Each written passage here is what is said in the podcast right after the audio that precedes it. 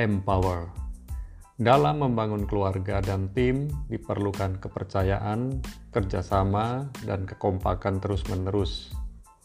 Kita tak bisa bekerja seorang diri, kita membutuhkan orang lain. Kita perlu saling mendukung, menguatkan, dan menolong sehingga keluarga dan tim kita menjadi semakin kuat dan berkembang. Di bulan Juli ini, tema renungan adalah empower. Menurut Merriam-Webster Dictionary, kata empower yang merupakan kata kerja transitif memiliki arti to give official authority or legal power to. Dalam bahasa Indonesia, kata empower dapat diartikan untuk memberikan wewenang atau memberdayakan sesuatu.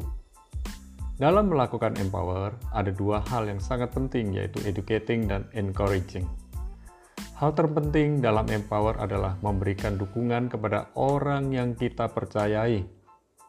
Hal ini dapat kita lakukan di dalam keluarga atau tim kita. Seorang kepala rumah tangga atau pemimpin harus dapat melihat kelebihan dan kekurangan orang-orang yang dipimpinnya. Oleh sebab itu, ada dua hal penting dalam melakukan empower. Yang pertama, educating Hal educating atau mendidik merupakan hal penting dalam melakukan pemberdayaan dan pemberian wewenang. Educating mind merupakan suatu tindakan yang bertujuan mendidik pola pikir untuk semakin maju dan berkembang. Sebelum seseorang diberi wewenang, ia harus memiliki pola pikir yang benar terlebih dahulu.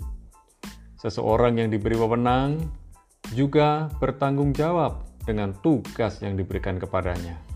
Jadi, saat kita memberdayakan seseorang, maka kita mendidik pola pikirnya untuk memiliki tanggung jawab atas wewenang yang diberikan kepadanya. Yang kedua adalah encouraging. Hal encouraging adalah memberikan pengharapan dan dorongan kepada orang yang kita pimpin untuk melakukan tugasnya dengan lebih baik dan lebih maksimal.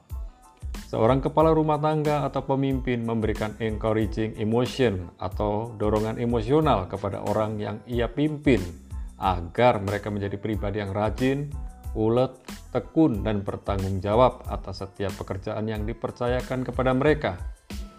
Pemimpin yang benar tahu bagaimana ia memberikan dukungan kepada orang yang ia pimpin. Ia juga memiliki tujuan agar orang yang ia pimpin menemukan jati dirinya dan dapat memaksimalkan setiap potensi kehidupannya. Maukah Anda menjadi seorang pemimpin yang memberdayakan dan memaksimalkan orang yang Anda pimpin? Maukah Anda mendidik dan mendorong mereka menemukan tujuan hidup mereka? Maukah Anda berperan sebagai sahabat dan bukan bos mereka? Memberdayakan berarti siap memberikan wewenang dan tanggung jawab kepada orang yang kita percayai.